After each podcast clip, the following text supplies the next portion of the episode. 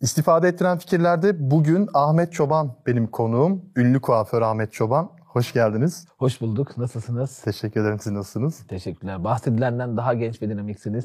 Sağ olun. Teşekkür ederim. Az önce yaş konusunu açtık ama tekrar açmayalım o konuyu. Peki. Peki ünlü kuaför diyoruz da neden ünlü kuaför? Ahmet Çoban kimdir? Ee, önce onu bir öğrenelim. Ben açıkçası biliyorum, izleyenler de muhtemelen biliyordur ama e, hiç kimsenin bilmediği tarafıyla diyelim daha doğrusu. Ahmet Çoban kimdir? Evet yani bu arada içim okumuş gibisin. Bu zamana kadar e, pek çok e, işimle alakalı e, becerimi duyurmaya çalışırken aslında Ahmet Çoban kimdir, kimdi, ne, nereden geldi bunu pek anlatmaya fırsat olmamıştı. O yüzden çok mutluyum şu an burada olmaktan. Ahmet Çoban dar gelirli bir ailenin gece konuda büyümüş ortanca çocuğu. 5 kilometre ötedeki okula gidip yol yorgunluğundan okulda başarısız not alıp notlarla karnesini taçlandıran ve birinci sınıftan sonra 2, 3, 4, 5'e kadar ki süreyi orta dereceyle okumuş. Sonrasında iş hayatına start vermek üzere yola çıkmış bir adam. Ve şu an geçen süre içerisinde yoksunluklarını görmezden gelip onları hayatın, hayatına olumsuz bahane olarak sokmayan bir adam ve eksik olan her tarafımı bir kenara bırakıp hayatı yeniden keşfetmeye çalıştım. Kendi kendime keşfetmeye çalıştım. Belki de keşfedilmiş her, her şeyi kendi kendime keşfetmeye çalıştım ve benim hayatı bir kere daha dikkate almama neden oldu ve yaşadığım son işte 15 yıllık sürecin bir şekilde temelini hazırladı diyebilirim. Ya şimdi her meslek grubunun kendi içinde bir şeyi var bence. Bir gücü, bir başarısı elbette ki var ama hani sokaktan geçen bir adama sorsan ne iş yapıyorsun? Ha, çaycıyım abi der mesela. Bir çaycının ulaşabileceği yer neresidir? Hani hayal edebilirsin değil mi? Evet. Ya da kuaför. Şimdi hepimiz kuaföre gidiyoruz. Şimdi ben erkek kuaförüne e, gittiğimde saçımı kesen ya da işlem yapan kişiye yani nereye kadar bu meslekte tepeye tırmanabilirsin diye birisi bana sorsa hani söyleyeceğim şey bellidir yani. Çok böyle büyük bir şey hayal kuramam onun hakkında. Yani en azından çok uçup kaçıp bir yerlere gidemem. Ama şimdi ben araştırdığım kadarıyla ve gördüğüm kadarıyla ve takip ettiğim kadarıyla ya bu meslekte ulaşılabilecek en iyi noktaya kadar fırlamışsınız. Yani o sıfır noktasından belki de eksilerden bilmiyorum onları konuşacağız. Yani ulaşabilecek en yüksek noktaya kadar ulaşmışsın. Bu çok büyük bir başarı bence. Yani ünlülerin kuaförü olarak geçiyor. Ünlü kuaför değil aslında ünlülerin kuaförü olarak geçiyor Ahmet Çoban. E, o yüzden tebrik ederim. Ya bu çok e, herkesin yapabileceği bir şey değil ve izleyenlerin de hani istifade edebilmesi için istediğim nokta şu. Herkes bir işle uğraşıyor. Herkesin bir hayat koşturması, mücadelesi var. Ben ne yapabilirim? Nereye kadar sıçrayabilirim? Hayat beni nereye kadar taşıyabilir? Bunun cevabını vermek aslında. Bugün bunun cevabını vereceğiz birazdan. Peki o gece kondu zamanları hani dedik ya eskiler 5 e, kilometre yol yürüyordun vesaire. İstanbul'da mı orası? Neresiydi? Hangi şehirdi? Ya iki yaşında İstanbul'a geldim. Aslında Tokat Almusluyum. İki yaşında ailemle beraber İstanbul'a geldim. Annem babam da zaten evin kendi evlerinin en küçükleri Ayaz'da kalmasın diye evlenmişler.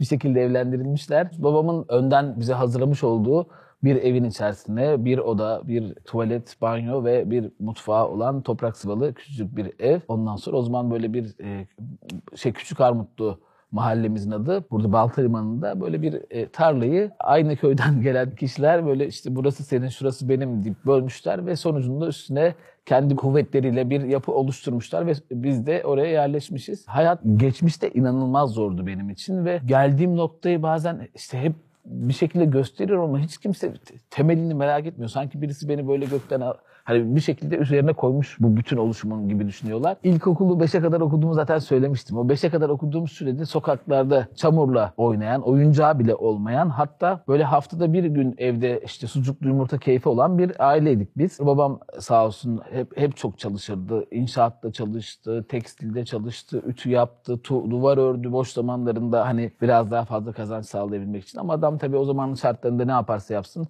çok fazla bir şeyi değiştiremedi. Ve sonucunda üç erkek kardeşiz ve yani kardeşimin olması işte üç farklı kıyafet, üç farklı defter, üç farklı çanta. Yani okumakta bile hakikaten çok zorluk çekiyorduk. Ve zaten okuyamadık da. Bir birinci sınıfta karnemde başarılı ve düzenli bir e, öğrenci diye yazıldığını hatırlıyorum. Ondan sonrası zaten yok. Sadece yaşamak için bir kazanç sağlayabiliyoruz babam. Ve ben şey hatırlıyorum böyle mesela işte markete gidip 50 gram sucuk alırken bir tane sakız çaldığımı hatırlıyorum mesela. Onun hatta bir gün sokaktan bulduğum şekeri yıkayıp yediğimi de hatırlıyorum. Yani o, o kadar hani heyecanlandıran şeylerdi biz o sokakta bulduğumuz bile. Ve sonucunda 5. sınıfı orta dereceyle bitirdikten sonra Babam bana ve abime dedi ki hadi size iş yolu göründü. Bizi işe göndermesinin bir sebebi bizi okutmak istememesi değildi bence. O, o dönem bir de gerçekten zorlu süreçlerin yaşandığı bir mahallenin içerisinde doğmadım ama o çocukluk sürecini o- orada geçirmemin verdiği bize bazı dezavantajlar da vardı. Babam biraz onların da dışına itmek istiyordu. Çünkü işte bir gün olay oluyor, bir gün başka bir şey oluyor. İşte bir gün bir evi yıkıyorlar, öteki gün öteki evi er- bir gecede yapıyorlar falan. Böyle karmaşık ve yorucu bir çocukluk süreciydi. Sonrasında hadi dedi seni sizleri işe gönderiyorum. Abim bir dükkana bıraktı. İşte yolda geçerken her gün işe gidip gelirken gördü bir dükkana bıraktı. Oradan işte beni bir dükkana bıraktı. İlk iş deneyimim amcamın yanıydı böyle tekstil atölyesinde bir şey. Ne yaptığımı da bilmeden gidip geliyordum her gün ama bir, bir isyancı tarafım vardı. Beğenmediğim duruma söylenme tarafım vardı. Hatta ilk hani böyle geçmişe dönüp hatırladıkça ilk herhalde orada başlamıştı. Amcam böyle işte sürekli bir şeyler yaptırıyor. Ondan sonra ben böyle hesap kitap yapıyorum kendi çapıma ama hangi akılda yapıyorum onu bilmiyorum. Yani bu paraya da bu iş yapılmaz falan diyorum kendi kendime. Ondan sonra bir git, iki git, üç git. Herhalde bir beş altı ayın sonunda amcama resti çektim. Sonucunda da yolları ayırdık. Sen dedi amcanla anlaşamadın gel seni teyzemin, teyzenin oğlunun yanına koyayım dedi babam. Oraya da girdik. Oraya da git gel falan filan. O tekstil işini zaten sevmemişim. O zamanki aklımda da sevmemişim. Sonrasında oraya da son verdik ve dedik sen dedi tekstilde olmayacaksın. Dedi gel seni kuaföre götüreyim. Yine iş yerine yakın bir yerde bir tane kuaför salonunu görüyor. Kapısında işte çırak aranıyor. Hadi diyor seni buraya koyalım. Yaş kaçtı? Yaş 12 falan. 12. Yani ilkokulu bitirmişim. 5. sınıftan sonra 3. ya da 4. iş deneyimim. Kuaför salonu ve yaşım daha 12. 12 yaşında beni e, bir kuaför salonun içerisinde bırakıyor. Ama öncesinde benim hayatımda kuaför ve e, berberin tanımı yok. Mesela sözlük karşılığını bilmiyorum. Kuaför ve berber nedir? Ne iş yaptığını bilmiyorsun. Tabii yani çünkü berber bizim için babam bir tane makinesi vardı. Çart çart çart çart 80 kere saçımızı çekerek kestiği bir makinesi vardı. Berber benim için bu. Hiç para verip berbere gittiğimi hatırlamıyorum çocukluğumda. Ondan sonra da gitmeye fırsatım olmadı. Kuaför de karşılığı olmayan bir konuydu benim için. Sebebi ben bir gün mesela teyzemin saçını, şey teyzemin kızının saçını, Nurcan şu anda Almanya'da yaşıyor. Onun saçını bir gün kıvırcık gördüm. Yani yıllarca kıvırcık gördüm. Bir gün düz gördüm. Dedim ne oluyor lan? Ya da tam tersi böyle. Yani yıllarca düz perme, ha, perme yaptırmıştı evet. Yıllarca düzdü o. Böyle çok ince sü- sümük gibi saçları vardı böyle. Onu bir gün bir kıvırcık saçlı gördüm. Ne oluyor dedim. Böyle bir anım da var hayatımda. Yani hani kuaförlüğe o kadar uzağım. Bu arada eksik söylediğim bir şey var. Ee, kadın saçını yapmak sadece bir ütü masasına yatmak ve ütülenmesi gibi biliyordum. O da annemden dolayı. Ondan sonra çok hatırlıyorum yani böyle düğünden önce bir şöyle saçlarına ütü çekerlerdi ama kuaför kelimesinin karşılığı yok hayatımda. Babam beni işte kuaför salonuna bıraktı ve dedi ki artık burada çalışacaksın. İyi ki de bırakmış oraya çünkü özellikle o 12 yaşından 20 yaşına kadarki evreyi bu kadar düzgün geçirebilirdim. Çünkü çok iyi kalpli bir patronum vardı ve hala da görüşüyorum bu arada. Yazlık arkadaşı olduk şu anda yani son 7-8 senedir. Benim babam işte bıraktı oraya beni. Ondan sonra her gün işte kadınların saçı yapılıyor falan böyle işte mizampi yapılıyor. Bir de Bomonti ilginç bir mahalle. Mesela cumartesi günleri çan çalıyor bir yerden böyle bir gece kondu mahallesinden çıkmışım 12 yaşındayım.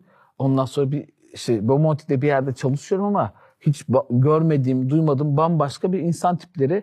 Bir de ortam başka, çan sesi geliyor, böyle değişik bir atmosfer falan. Ama bir şekilde adapte oldum oraya. Her geçen gün kendimi oranın bir parçası haline getirmeye çalışıyordum. Çünkü şey insan okumayı çok seviyorum. Bu benim sonradan keşfettiğim bir şey ama çocukluğumdan öte vardı hep. Böyle çok kitap okuyamıyorum. Sebebi herhalde yani o alışkanlık biraz çocukluktan gelen bir şey. Böyle hani öyle alıştırıl, alıştırılmamışız.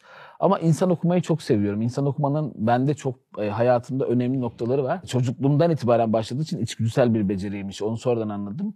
Ondan sonra insanları okuyarak bulunduğum semtin, hizmet verdiğim insanların kimler olduğunu anladım ve her geçen günde kendimi değiştirmeye başladım ve bu mesela bana nasıl yansımaya başlamıştı orada?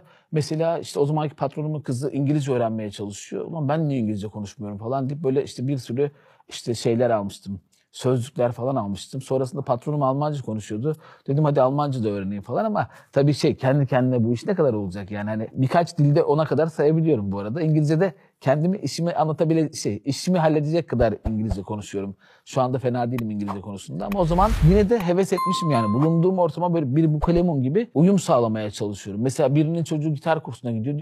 Gazeteden araştırıyorum diyorum ki Hani ben de bir gitar kursuna gideyim. Ücretsiz kurslar var o zaman. Bu Selda Bağcan'ın kardeşinin bir yeri vardı Taksim'de. Sonra gitar alıyorsun sana işte bilmem ne kadar ücretsiz kurs veriyor. Bir de o kadar temiz yüzlüyüz ki herhalde.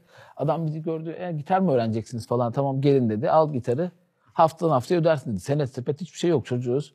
Verdiler. Hatta onun şaşkınlığıyla böyle bir üç ay kendimize gelememiştik. Nasıl yani hiç tanımadığımız birisi bize üç tane gitar veriyor. Üç arkadaşız. Ve Hep böyle gelişme açık bir insan olduğumu düşünüyorum çocukluğumdan itibaren. İşte bir gün dil öğrenmeye çalışıyorum dükkanda. Bir de dükkanda şansıma benim başladığım zamana kadar yoğun çalışan sonrasında da daha sakin bir hayat sürmek isteyen kişinin dükkanı. Ben işe başlamadan birkaç ay evvel çocuğu olmuş.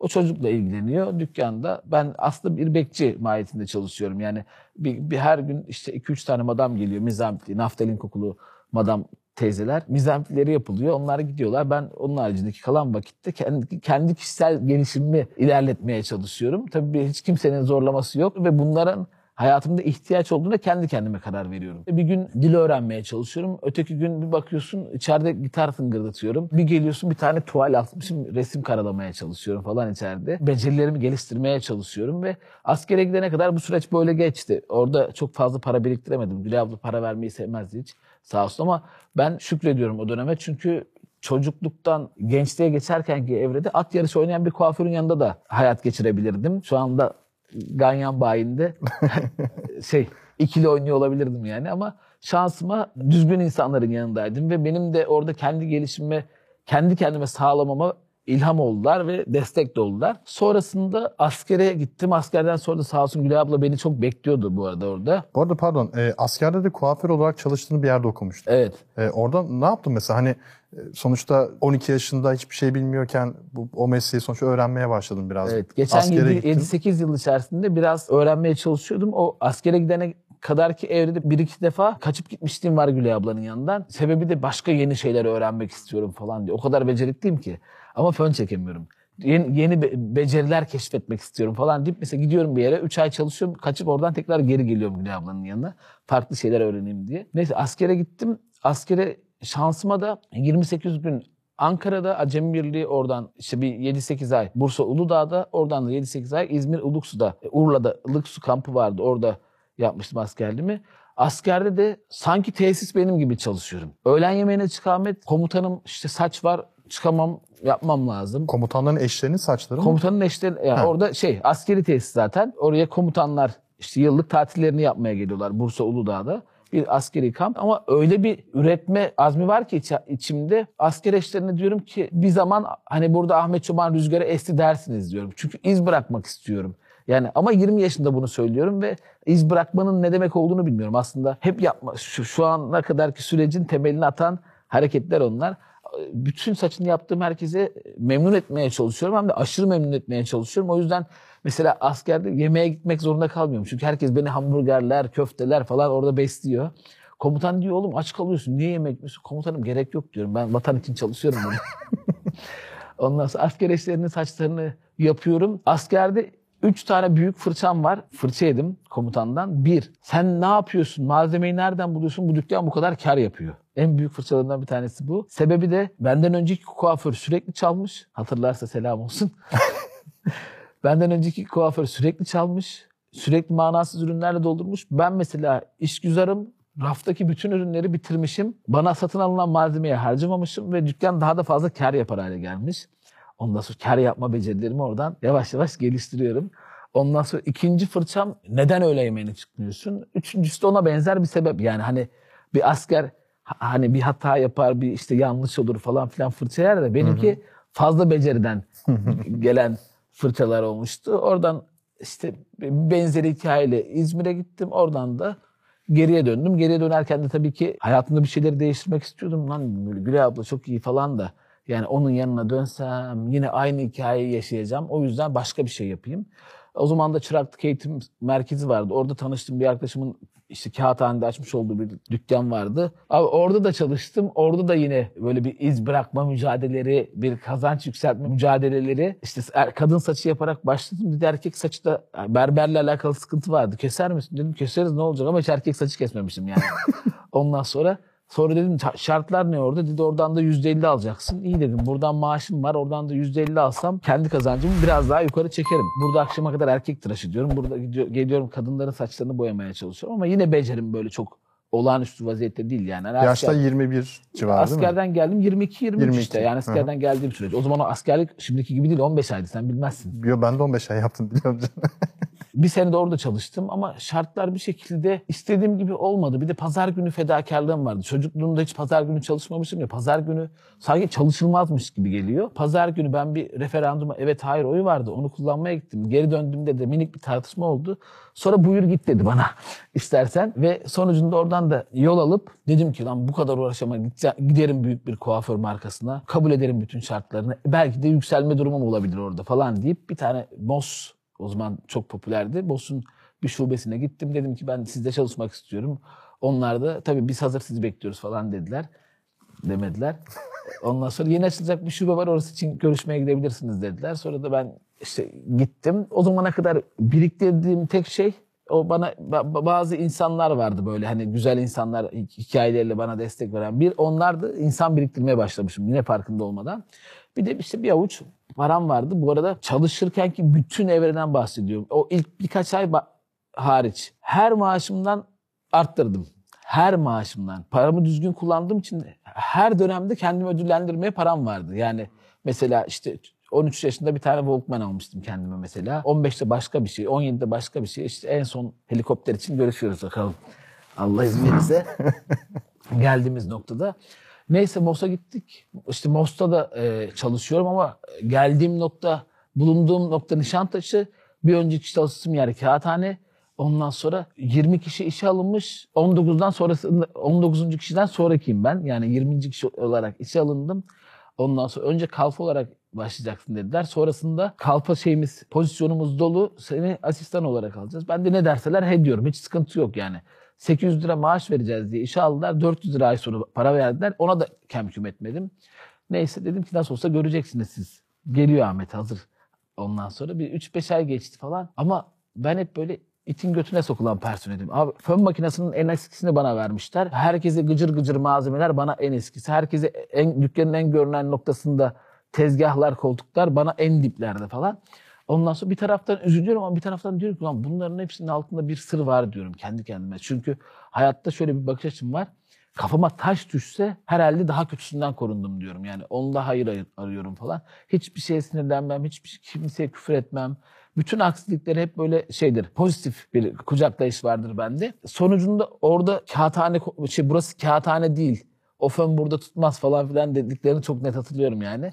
Ama 3, 5, 7 derken yavaş yavaş müş- müşteri edin- edinmeye başladım. Çünkü insan biriktirmenin kıymetini anlamaya başladım her geçen gün. Bu para biriktirmekten çok çok daha önemli bir şey. Ve bu insanları nasıl biriktirdim? Kapıdan gelen bana müşteri vermiyorlar. Alışveriş merkezinde geziyorum, kendimi tanıştırıyorum. Çalışanları davet ediyorum. 1, 2, 3, 5 derken içeri yavaş yavaş kendime müşteri sokmaya çalışıyorum. Zaten o zaman da çalışanlara işte normal fön 50 liraysa çalışanlara 10 lira falan. Ama Yine de insan biriktirmeye çalışıyorum. Diyorum ki bugün fönünü çekerim, yarın mutlaka bana bir şey yaptırır falan diye. Yine de önüme taş koymaya devam ediyorlar. Böyle geçici dövmeye merak sarmıştım o zaman çok net hatırlıyorum. Milletin koluna çiçek böcek çizerek kendimi tanıştırıyorum. O zamanki çalıştığım iş yeri o kadar başarılı ki maaşları 6 ay geriden veriyorlar. Ama ben yine eyvallah diyorum. Çünkü hayatta o, o dönem bir giderim yok. Kendimce iz bıraktığım için bahşişim iyi. Ondan sonra bir de üstüne dövme yapıyorum. Kazancım duble olmuş. Millete borç veriyorum. Maaşlarını alamayan diğerlerine borç veriyorum. Hiç isyan etmeden yola devam ettim. Sadece bir sene, üç ay sonra biriktirdiğim insanlar sayesinde dükkandaki en iyi ciroyu yapan Ahmet Çoban olmaya başladım. O zaman şöyle bir sözleri vardı işte. Üç ay üst üstüne, üst üste örnek veriyorum. 15 bin TL ciroyu geçersen seni junior manager yapacağız demişlerdi. Ben geçtim sonrasında ofiste konuşulanları duyuyorum yani hani bunu mu junior yapacağız? Onu bir oyalayalım. Bir üç ay daha öteleyelim onun hedefini. Sonrasında bir üç ay daha öteledikten sonra işte ben yine ulaşıyorum sonuca. Ondan sonra ama onlar yine yapmak istemiyorlar. En son diyorlar ki hani bunu yaparken de hepsini birden yapalım. O zaman 5 kişi kalmış o 20 kişiden. O 5 kişiyi beraber junior manager, yap, manager yaptılar ama tabii ki ben yine olumsuz yorumlamıyorum hiçbir şey. Ben yine önüme bakıyorum ve bir taraftan da para biriktiriyorum. O hani ilk tanıştığımızda söyledim ya bir anda yok olan param. Ondan sonra bir avuç parayı da biriktirmeye çalışıyorum o süreçte. Ve geçen süre içerisinde şunu anlıyorum. Yani bana değer verilmediğini, beni önemsemediklerini, bana kıymet vermediklerini, ve başardığım hiçbir şeyin onlar için çok önemli olmadığını görüyorum. Ve sonucunda diyorum ki ben artık bir şey yapmalıyım. Ondan sonra o zaman da evliyim. Kazandığım para tek başınayken bana yeterken evliyken baktım ki yetmiyor. Hiçbir yere çıkamıyorum yani. Bir de işe yürüyerek gidip geliyorum. Yerin altında şöyle şu kadar tuvalet penceresi kadar penceresi olan bir ev tutmuşum. 600 TL kirayla unutmam onları. Ama yine de geçinemiyorum. İşe yürüyerek gidip geliyorum. Nişantaşı'nda çalışıyorum. Kurtuluş derede oturuyorum. Her gün işte işe yürüyorum. Yol parası vermek için falan ama o zamanki kazancım o hayatı sürdürmeye yetmiyor. Bir de evliyiz, sorumluluklar var falan. Dedim ki hani minik bir iyileştirme yapsanıza. Na- Hani ben o zaman daha da iyi hissederim. Çünkü salonda en iyi işi ben yapıyorum zaten. Dükkandaki manager beyefendi dedi ki sen benden fazla para kazanıyorsun zaten dedi. Sen benden az para kazanıyorsan bu senin sorumluluğun. Değil mi? Demedim. Ondan sonra dedi ki en çok dedi parayı dükkanda sen kazanıyorsun. Bu arada en çok parayı ben kazandığım için maaşını en geç alan bendim. Çünkü daha az para kazananlar hep önce veriliyordu. Daha çok e, avans alanların kazançları hep önce veriliyordu. Ama benim maaşım, primlerim daha çok ve hiç avans almadığım için hep benimki sona kalıyordu. O yüzden herhalde en gecikmeli parasını alan bendim o, o salonda. İşte bir kere derdimi dile getirdim olmadı. İki kere derdimi di- dile getirdim olmadı. Kazancımı yukarı çıkartmakla alakalı. Hatta kendi kendime dedim ki bunların hepsini satayım bana bir tane çeyrek altın ver. Tamam diyor. Satıyorum. Ondan sonra ama diyor şunu da satsaydın keşke diyor. Ya vur kapıyı çık. Vermiyor. Neyse bir sürü yöntem denedim, denedim, denedim. Şans verdim. Çünkü şans vermeye çok önem veriyorum ben. Hani bir der, bir sorun var ortada ama konuşuyorum, anlatıyorum, çözüm arıyorum buna. Sonrasında olmadı. O zaman da kardeşim işte başka bir markada çalışıyor. O markayı da istem dışı dışarıdan seyrediyordum ben. Hatta kardeşime diyordum ulan bu kadar güzel marka var ama şunlar yanlış bunlar olur. Bir değiştirseniz burası uçar gider diyordum. Ama odada çalışmayı hiç düşünmüyorum. O zaman işte eski eşim dedi ki hani acaba buranın bir parçası olsak biz? O da böyle bir, bir kısa zaman çalışmıştı orada. Bir de bir avuç param olduğunu düşünüyorum. Evde de birkaç tane altınımız var. Ondan sonra biraz da sağdan soldan bulup üstüne koyarım. Sonrasında bir dükkan açarım diye düşünüyorum. O zaman şimdiki ortağım eski eşimin abisi Erol abi hala ortakla devam ediyoruz ama eşim artık eski. Konuşuyoruz, fikir alışverişi yapıyoruz falan. Toplamda işte 200 bin liraya bu iş kurulur. Ama ben diyorum ki hani bunun 200 bin liranı ben sadece işte kendimce en üst rakamı olan 60 bin lirasını tamamlayayım, tamamlarım diye, diye düşünüyorum. Çünkü 20 bin bende var. İşte 15 takılar yapsa işte 5-10 sağdan soldan bulsak, anne babadan da 5-10 bulsak falan diye kendimce bir plan yaptım. Hedeflediğim, ulaşabileceğim en üst rakam 60 olarak gördüm. Ve 60 benden. Gerisini sen tamamlarsın. Böleriz hisselere. Ben, benim payım neyse o olur. Senin payın neyse o olur. O zaman ben şöyle demedim. Bazı uyanık, becerikli arkadaşlar öyle diyor. Bütün işi ben koyuyorum zaten. İşte ben o benim ortağım kuaför değil bu arada. İşte bütün saçları ben yapacağım zaten. O, o bir şey yapmayacak demedim. Yok dedim. Herkes kendi yatırımına göre hissesini bölsün. Bazı sorumlulukları sen alırsın. İşte mesela ön muhasebe, dükkanın işte giderleri, ödemeleri falan filan bu işi sen yüklen. Diğer işi bana bırak deyip ondan sonra bir şekilde ka- kar paylaşımını yapıp yola çıkacağız. Bunu böyle kafada oturttum ama benim o 20 bin lirayı nasıl çoğaltırımın peşindeyim. Birkaç tane o zaman bankacı müşteri var. Hisse senedi falan filan tavsiye ediyor. Böyle kulağımın arkasında o birikmeye başladı hisse senedi, daha hızlı kazanç falan filan. Sonrasında bir abimiz sağ olsun adını da vermek istemiyorum. Onun sayesinde birkaç tane hisse senedini denedik. Ondan sonra son dönemimiz paramızın çöp olduğu ana denk geldi. Çünkü bir oyunun içerisindeymişiz. Yani önce bir paramı yükseltti, sonrasında dibi gördük ve onun parası katlandı. Benimki de sıfırı gördü. Ve ben tabii böyle daha da sıkıştım artık ne yapacağımı bilemiyorum. Çünkü 60 bin lirayı tamamlarım dedim. Bu sefer 60 bin de tamamlayamayacak kıvama geldim. Çünkü 20 bin lira cash nakit param var. Onu da kaybettim. Sonrasında ama yılmadım. Yine de gidiyorum üzerine ve kiralamak istediğimiz dükkan 10 bin lira kirası var. 50 metrekare bir dükkan. Hatta babama söylüyorum. Baba, babam diyor ki oğlum 3 ben alıyorum. 2 annen alıyor. 2 abin alıyor. 1500 kardeşin alıyor. Bir de sen alıyorsun. Hepsinin toplamı 10 bin bile yapmıyor. Nasıl biz bu dükkanı başlatacağız? Babamı da bir kenara koydum. Sağ ol baba dedim. Teşekkür ediyorum ama ben bir deneyeceğim. Derken işte sağdan soldan oradan buradan aramadığım kimse kalmadı etrafımda. Herkes de bana o kadar inanıyor ki diyor ki 500 benden çıkar, 1000 lira benden çıkar falan diye. Etrafımızdaki paralı insanlar bu kadar. Ondan sonra birkaç tane böyle hatta şey müşterilerimden var böyle para istediğim kişiler. Onlar da şey diyor. Elimdeki son parayı da falanca yere kullandım. Hala pişmanlar bu arada ortak olmadıklarına. Derken hani hepsini toparlamak gerekirse çok zor, sıkıcı, bunaltıcı bir süreç ama umudumu hiç yitirmiyorum. Çünkü insan biriktirmişim ya elimde. Evet. Hani hikayemin en önemli parçası o. Çünkü param yok ama çok fazla insan biriktirmişim herkese. Çok o insanlara da güzel izler bırakmışım. Onlara çok güveniyorum bu arada. Çünkü Gülay ablanın orada çalışırken yani ilk kuaförlük deneyimin olduğu yerde çalışırken biriktirdim 3-5 kişi bir sonraki noktada geldiler. Orada biriktirdiğim o 3-5 kişi katlanarak Nişantaşı'ndaki çalıştığım yere geldiler ve bunun etkisini yavaş yavaş hissetmeye başlamışım.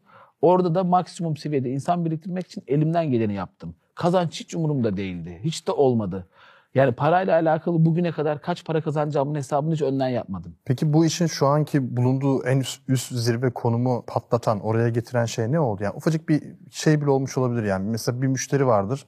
Çok ünlüdür, tanınıyordur. İlk defa ünlü müşterinizdir mesela. Dersiniz ki ya biz bunun saçını kestik, işte Instagram'da paylaştı. Birden patladık. Yani böyle diyeceğiniz bir örnek bir hikaye var mı hiç? Yani şöyle söyleyeceğim. Instagram'da beni patlatan e, ilk hikayem ünsüz herhangi bir tane kadın hatta hala arkadaşız Yekta Hmm. kulakları çınlasın. Biriktirdiğimiz insanlar her geçen gün sonuca dönüyordu. Çünkü bize güveniyorlar. O küçücük dükkanda da olsa saç yaptırıyorlar ve her geçen gün böyle cirolarımız artıyor. Sonucunda kazancımız yukarı geliyor ve ben kendimi ifade etmeyi öğreniyorum orada. Ve çünkü artık e, kumanda bende. Başkasının boyunduruğu altında değilim. Başkasının kurallarıyla yol almıyorum. Ve sonucunda başkasının dili ile kendimi anlatmanın ne kadar gereksiz olduğunu anladım. Çünkü birine diyorum ki ya saçına balyaj yapalım mı? Ay ben yaptırdım hiç güzel olmaz. Ötekine diyorum ki saçına gölge yapalım mı? Ay ben yaptırdım hiç güzel olmadı falan diyor. Sonrasında Türk'ün aklı tuvalette çalışır söz var ya. Ben o yaptığım işlerin yabancı karşılıklarını arıyorum şeyden Google Translate'ten ya da o zaman belki başka bir şey vardı hatırlamıyorum. Sonra onların ilham veren fotoğraflarını bulmaya çalışıyorum. İşte bir gün gölge yazdım. İşte İngilizce karşılığı shadow çıktı. Almanca başka bir şey. Fransızca karşılığı da ombre çıktı ve dedim ki ne güzel bir isim falan. Birkaç tane fotoğraf paylaştım o zaman Instagram'da. Belki 500 takipçim var. Sonrasında da işte I love ombre hair diye bir e, yazı paylaştım. Çünkü başkasının anlatımıyla kendimi anlatmak istemiyorum. Her şeyi yeniden yorumlamak istiyorum ki ifade kolaylığı olsun benim için ve kabul görsün karşı taraftan. Bu ombre dikkat çekince arka arkaya telefonlar gelmeye başladı ve saçımı ombre yaptırmak istiyorum falan demeye başladı kadınlar. Dünyada öyle bir trend varmış ama ben dünyanın hiçbir yerini gezmedim parayı bulduktan sonra dünyayı bu arada neredeyse yarısını gezmişimdir şu an şu ana kadar ama hepsi parayı bulduktan sonra. O zamana kadar hiçbir yer görmemişim, hiçbir şey bilmiyorum. Bir sosyal medya adımı Ahmet Kobeyn yapmışım. Sebebi de Ç'den ötürü hani Ahmet Coban olarak almak zorundayım zaten. Ahmet Coban olarak alamıyorum çünkü Türkiye'de herkesin adı Ahmet soyadı Coban. Bir gün metroda geliyorum Kurt Cobain ya böyle bir onun hikayesini anlatıyorlar ya böyle bir ona ithafen bir şey var tam hatırlamıyorum ne olduğunu. Kurt Cobain diyorum falan or oraya iyi koymuş ben de iyi koysam falan sanki o iyi koymuş gibi. Ahmet Cobain diye bir Instagram hesabı alıyorum. Orada takipçi biriktirmeye başlıyorum. Nişantaşı'nda ilk hareketimi yapmamın verdiği bir avantaj. Çünkü oradaki herkes bir şekilde her şeyi daha önden, trendleri daha önden takip ediyorlar. Bana da yansıması sosyal medyayı erken keşfet, keşfetmem olmuş. Ahmet Kobe'nin hesabında fotoğraflar paylaşıyorum. 300-500 takipçi edinmişim. Üstüne bir de I love, I love Ombre Hair yazdım bir fotoğrafa. Arkasından çalan telefonlar. Birini Erol açıyor ortağım. Anlamıyor. Ombre ne diyor. Umre diyor. Bir şey diyor. Anlamıyor. Sonra Sonra kardeşime veriyor telefonu. Diyor size renk uzmanına vereyim. O baksın kardeşim alo ombre umre nedir o abi diye bana böyle bir döndüğünü hatırlıyorum. Ondan sonra dedim ver telefonu.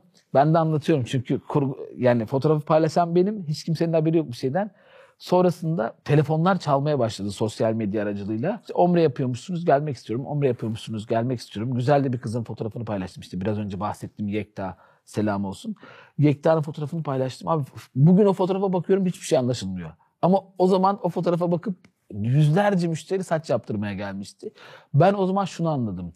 Dedim ki bu zamana kadar bize doğru olan olarak öğretilen ve geçmişinde hatalı hikayelerin de olduğu pek çok kuaförlük servisi yeniden yorumlanmalıymış. İşte gölgeye ombre diyerek çıktığım yolda işte birkaç tane beyazı kapatmaya transparan boya, işte natural renk yapmaya brush light, başka bir şey yapmaya başka bir isim koyarak yeni bir kuaförlük standardı oluşturmaya başlamıştım ve 50 metrekare dükkan 17 tane çalışanla buluşmuş. Günde ortalama 80-100 tane servis atıyor. Yani saç yapıyor. Bekleme alanı yok. Kapıda kara kışta kadınlar şemsiyeyle bekliyor falan böyle.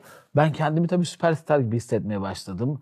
Hayatım değişti. 6. aydı galiba ya da 7. aydı böyle bir Rusya seyahatine gittim. Orada biriyle tanıştım. Dükkanını satıyor. Hadi dedim onu da biz alalım. Geri döndüm hemen kaç paramız var? Erol abi dedi ki şu kadar para var. Dedim dur o parayı oraya koyalım biz. O dükkanı da satın alalım. O zaman böyle bin liralık bir tane skuterim var. Önüme bir tane kalın bir hırkayı seriyorum. Bir gün oraya gidiyorum motorla. Arada da 5 kilometre, 10 kilometre mesafe var. Bir gün bu tarafa gidiyorum ama yani kask yok, kıyafet yok, ayakkabı yok, motora uygun, skutura uygun hiçbir şey yok. Bir hırkayı önüme seriyorum üşümemek için. Bir oraya gidiyorum, bir buraya gidiyorum ve yap daha fazla yenilik keşfetmeye çalışıyorum. Bir de kendi yorumumun farklı olduğunu hissettirmek için var gücümle çalışıyorum müşteriye. Geçen süre içerisinde üçüncü dükkanı planlıyoruz. Herkes şey diyor böyle, üçüncü dükkanı 50 metre öteye kuruyorum. Herkes bana diyor ki ya sağdan alıp sola koyacaksın. 50 metre öteye dükkan mı açılır? Ben de yeme içme sektöründen çok ilham almışım. Bu 17-18 yaşından sonra hani insan okuyorum diyorum ya aynı zamanda e, gördüğüm her şeyi de oku, okuyup kendi kendime yorumluyorum. Yeme içme sektöründen çok ilham almışım. O adama diyorum ki Starbucks'a örnek veriyorum. Diyorum Starbucks potansiyelin olduğu bir sokakta. Sokağın başında da var, sonunda da var. O da Serdar sağ olsun. içinden demiş ki lan demiş sen ne yap? Hani şey sen Starbucks mı, Starbucks mısın da Sokağın bir sağına bir sonuna dükkan açıyorsun falan demiş. Aynen böyle yıllar sonra bunu söylüyor. Ve sonucunda 50 metre öteye de açtığım dükkanla beraber toplamda 85-90 kişi oluyoruz. Günde ortalama 200-300 tane kadının saçını yapıyoruz. O zamanki o Nişantaşı'nda ikinci tuttuğum dükkan 250-300 metrekare. Dükkanın içerisinde kapıdan kasaya kadar giremiyorsunuz. Benim muhasebecim Adem kuzenim aynı zamanda. Kaç kere kapıdan dönmüştü var kapıdan içeri giremiyor. Abi o süreçte de böyle gazete ilgileniyor, bizde dergi ilgileniyor, böyle televizyon ilgileniyor ama Hiçbir şeyle te- alakalı tecrübem yok. Röportaj vermek nedir bilmiyorum. Ünlü gördüğü zaman eli gözü yamulan tiplerdendim. Ondan sonra bugün sıraya giriyor hepsi. En ünlü müşteri kim şu an? Abi hepsi ünlü ya. Yani mesela en ünlü yani. İşte Türkiye'nin bütün ekrandaki bütün kadınları şu an bizde. Hepsi mi? Eda Ece bizde, Melis Aslı Pamuk bizde, Elçin Sangu bizde, Burcu Özberk bizde. Bunlar Instagram'da 8-10 milyon takipçisi olan kişiler. Handemi ile Handemi diyorum neydi? Hande Erçel'le çalıştık bir zaman. Geçmişte bir zamandı. Bu yakın zamanda görüşmedik. Kim var? Demet Özdemir bir, bir zaman salonuma gel gelip gitti ama saçını yapma yapmaya fırsatımız olmadı. Çünkü saçını çok boyattım. Kapıdan ama... giren ilk ünlü kimdi peki? Elinizin böyle ayağınızın dolaştığı. Yani tam hatırlamıyorum ama çalıştığım dönemde de böyle yarım yarım ünlüler veya ünlü, ünlülüğün sonuna gelmiş kişilerdi ama kimse yani hani tanıdığım biri, biri ise böyle bir elim gözüm yamulurdu yani. Ama o zamandan beri böyle hem kalbi güzel hem de bana çok desteği olan bir Didem Soydan var mesela. Model olarak hani ünlüydü o zaman da. O hala hayatındadır ve en baştan beri bütün hikayeyi bilir. Hep de şey de böyle ne zaman bir araya gelsek böyle bir gururlanırız. Geçen süre içerisinde televizyon, dergi, gazete hayatımda ama yine hep insan biriktirmeye vurgu yapıyorum. Etrafımda tanıdığım herkes bir şekilde abi topyekun bana destek oluyor.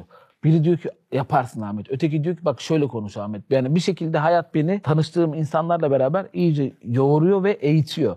Ondan sonra ve sonucunda bir markanın 4 yıl renk uzmanı sıfatıyla onlara hizmet veren ilk Türk kuaförü oldum. Global bir markanın. Benden sonra da yerime kimse gelmedi mesela. İşte hani yapabilir misin bu işi? Yap, düşünüyorum taşınıyorum. Diyorum ki yapmasam ne olacak acaba? Ama şey yani şey, yaparsam ne kaybedebilirim diyorum böyle kendi kendime korkularım var, endişelerim var. Kamera görünce elim yüzüm kızarıyor. Fotoğraf makinesi görünce yamuluyorum falan ama hepsinin üstesinden gelebileceğime inanıyorum. Çünkü arkamda bana destek olan dünya kadar insan biriktirmişim. Hala parayı dert etmiyorum. O zaman da bu arada çok ciddi bir hacmi yönetiyordum. Şu anda Türkiye'nin en pahalı kuaförüyüm. 7 tane 8 tane şubem var. O zamanki yaptığım cironun dolar karşılığında hala tam ulaşmış değilim. Böyle çok ciddi bir potansiyel çalışıyordum. Biraz paramızın değer kaybetmesi handikap oldu bana. E, yani bana değil bütün Türkiye'ye. Ama inanılmaz bir potansiyeli yönetiyoruz ve geldiğim noktayı böyle sürekli çalışanlarıma aktarıyorum. Diyorum ki yani kuaförlükte böyle hani bir şey olmaması gereken insanlardan bir tanesiydim. Çünkü becerim az ama gelişme açıktım. Böyle hani doğuştan 3 yaşında saç ören bir kuaför olmadım hiçbir zaman. Ama kendimi geliştirmeye çok açıktım ve insanları okuyarak onların bana destek olabileceklerini anlayıp onlardan da o desteği hep istedim yani. Hani o verme isteyenin bir yüzü vermeyenin iki yüz derler ya hep de onu istedim ve sonucunda geldiğimiz noktada işte üç tane dükkan var, deli gibi çalışıyoruz falan. Ve ben yine bazı mutsuzluklarım var. Çünkü başka bir markaya hizmet veriyorum. Onun o, o markanın başka büyüme stratejileri var. Ve kendi markamı oluşturmak istiyorum. Çünkü kendi doğrularım olunca işin içerisinde başka bir şekilde yorumladığımı ve sonuçlandırdığımı gördüm. Şimdi ben araştırdığım kadarıyla Ahmet Çoban girişimci bir adam. Yani kafası sürekli çalışıyor. Bir iş yaparken, ben de öyleyimdir mesela. Bir iş yaparken kafamın arkasında bir şey böyle döner, çalışır, başka şeyler düşünürüm. Yani aynı anda bilgisayar gibi birden fazla şey düşünebiliyorum. Yani Ahmet Çoban da böyle düşünüyor. Neden? İşte Cafe Bean markası var mesela. Müşteriye kahve ikram edelim düşüncesinden bir marka yaratmaya kadar mesela gitmişsiniz orada. Şimdi gerçi o satıldı diye biliyorum. Ee, yine kendi başına bir marka marka haline geldi. Hiç yani bu sektör bir gün bitecek. Bir gün pasif gelir kaynakları daha popüler olacak. Teknoloji gelişiyor. Artık insanlar tamamen böyle otomasyona giren işlerden daha çok para kazanacaklar düşüncesiyle farklı bir sektöre yatırım yapmak ya da bu işi farklı bir yere taşıma gibi bir fikir kafanda oluştu mu hiç? Onu çok merak ediyorum. Yani şu an çok hızlı bir şekilde e, dünya otomasyona geçmeyecek. Bunun çok farkındayım. Ama şöyle bir durum var. Otomasyon kelimesinin hayatımdaki yerine biliyor musun? 7 tane şubem var. 7 şubede birbirine benzer saçlar yaptırtabiliyorum. Aslında otomasyonu zaten halihazırda sahip olduğum değerin içerisine yaymaya başladım. Biraz önce şey demiştim ya yeme içme sektöründen ilham aldım diye. Bana hep çok şaşırtıcı gelirdi mesela işte Starbucks'ı ben dünyada belki 25 ülkede ziyaret ettim. 25 ülkede de aynı damak tadını alabiliyorsun. Aynı lezzeti bulabiliyorsun. Bu da bana ilham olmuştur ve salonlarımda o geliştirdiğim becerileri, ombre, işte transparan boya, brush light ve benzeri bir sürü renklendirmeyi bir standarda oturtup başkalarına yaptırır hale geldim. Ben saç boyamakla alakalı en ünlü kuaförüm ama belki de 10 yıldır saça boya sürmüyorum. Ondan çünkü başkalarının yaptırdığı işlere daha fazla başarılı sonuçlar yüklemeye başladım. Evet, evet. Onların e, becerilerine bir standarda oturtup 7 tane salonda şu anda 8. ve 9. da inşaatta bu arada 7 tane salonda birbirine %80 benzeyen sonuçlar ortaya çıkartabilmek için bir otomasyon sistemi oluşturdum zaten. O da bulunduğumuz, yaşadığımız şu dönem için çok böyle yerinde bir karar oldu. Başka uğraşlarım hep var. İşte bir gün bir evi, eski bir evi alıp yeni diyorum değer kazanıyorum. Ondan sonra pasif gelir deyince tabii yani böyle çok teknolojik işlerde hayat bulamadım. Zaten borsaya e, ilk paramı orada kaybettiğim için kapalıyım. Çok da anladığım bir yer değil. Ama pasif gelir kaynağı olarak bir ek iş, üretme becerim var. Ama bütün konsantrasyonumu kendi işime yönlendiriyorum. Mesela kimisi kazanmıyorken mutsuz, ben kazanıyorken mutsuzum. Bunu böyle daha ne yapıp bir üstüne çıkartabilirim falan diye benim böyle her bir, bir buçuk yılda bir bir atağım var. O bulunduğum noktadan beni en az yüzde 40 daha ileri sıçratıyor. Bütün konsantrasyonumu kendi işimde hem o otomasyonu ortaya çıkartabilmek adına harcıyorum hem de yenilikleri harcıyorum. Yanı sıra da işte herkes kadar ben de işte al satla işte ya da böyle bir eski evi yapıp yeni, yenilemekle falan böyle bir pasif gelir elde etmeye çalışıyorum. Ama şu anda birinci, birinci konsantrasyonum kendi işim. Çünkü makinelaşması, robotlaşması da mümkün olmadığını düşünüyorum bu arada. Evet. Yani yakın zaman için. Çünkü bizler aynı zamanda duyguda satıyoruz. İnsanlar o duygudan uzak kaldığı sürede belki robotlaşan kuaförlük kabul görebilir. Ama benim dokunduğum gibi, benim konuştuğum gibi hiçbir robotun konuşup e, dokunabileceğini düşünmüyorum. Bence de. Çok teşekkür ederim. Çok da memnun oldum. Ee, ayağınıza sağlık. Çok da memnun oldum dediğim gibi. Umuyorum benzeri şekilde yani hayat hikayesi zor zor noktalarda kesişen insanlar mutlaka vardır bu hayat hikayesiyle. Yani umuyorum herkes başarmak için yaptığı işe inanan, yaptığı işi sürdürebilmek için sonuna kadar şartlarını zorlayan, ya ben benden olmaz, benim babamın maddi durumu kötü, benim işte ailemizin durumu şöyle, işte benim param yok, benim e, borcum var deyip de işinden vazgeçen insanlara bir örnek olur diye düşünüyorum. Ben Evet, çok, çok etkilendim, güzel. çok da güzel bir Çok hikayeydi. teşekkürler. Çok da güzel söyledin. Benim konuşmanın en başında söylemiş olduğum bir şey var. Eksikliklerim ve yoksunluklarım beni bu hale getirdi. Yani onların altında hayır aradım ve onlardan utanmadım. Onları kucakladım. Yani hiçbir şeyimin olmaması beni aslında çok şeyle buluşturan en önemli hareket oldu ve daha da önemlisi bu büyük ihtimalle limonu da satsam fark yaratan biri olurdum gibi geliyor bana. Çünkü yaptığım işe, bana öğretilenin üzerine kendi yorumumu katıyorum ve beni başarıya götüren bence en önemli tılsım da o. Yani hiç bilineni tekrar etmek gibi bir derdim yok yani. Bakıyorum. Abi hani derler ya bizde Amerika'yı yeniden keşfetmeye gerek yok. Yok abi keşfedelim ne olacak ki yani. Değil mi? Aynen öyle. Yeniden bir bakalım, bir gözden Bence de. geçirelim. Belki bu zamana kadar başka insanların görmediği şeyleri görüp fark edeceğiz ki be- bence Türkiye'de kuaförlük kazanç olarak her geçen gün düşüşteyken benden sonra yani ben hep şey diyorum AÇ'den sonra hep e, yukarı gitti ve benim en önemli becerilerimden de bir tanesi bu konuda da hiç mütevazı olmayacağım. Edirne'den Kars'a her kuaförün bu işten daha fazla kazanmasına sebep olan kişiyim. Bunu defalarca kez meslektaşlarım zaten dile getiriyor ve görüyorum. Çünkü yarattığım her değer benle beraber bütün sektöre kazanç sağladı. Yani o yeni nesil renklendirme e, uygulamaları, o ombre başta olmak üzere yeni nesil renklendirme uygulamaları Edirne'den Kars'a Türk kuaförlüğünün bence ekstra kazanç sağlamasına ve silkelenip küllerinden doğmasına sebep oldu. Kesinlikle. Ekonomiye de bir katkı olmuş oldu kesinlikle. Bence Bence, de. evet izlediğiniz için çok teşekkür ediyorum. Yorumlarınızı da merak ediyorum. Yorumlarınızı bu videonun altına yazabilirsiniz. Kendinize çok iyi bakın. Hoşçakalın.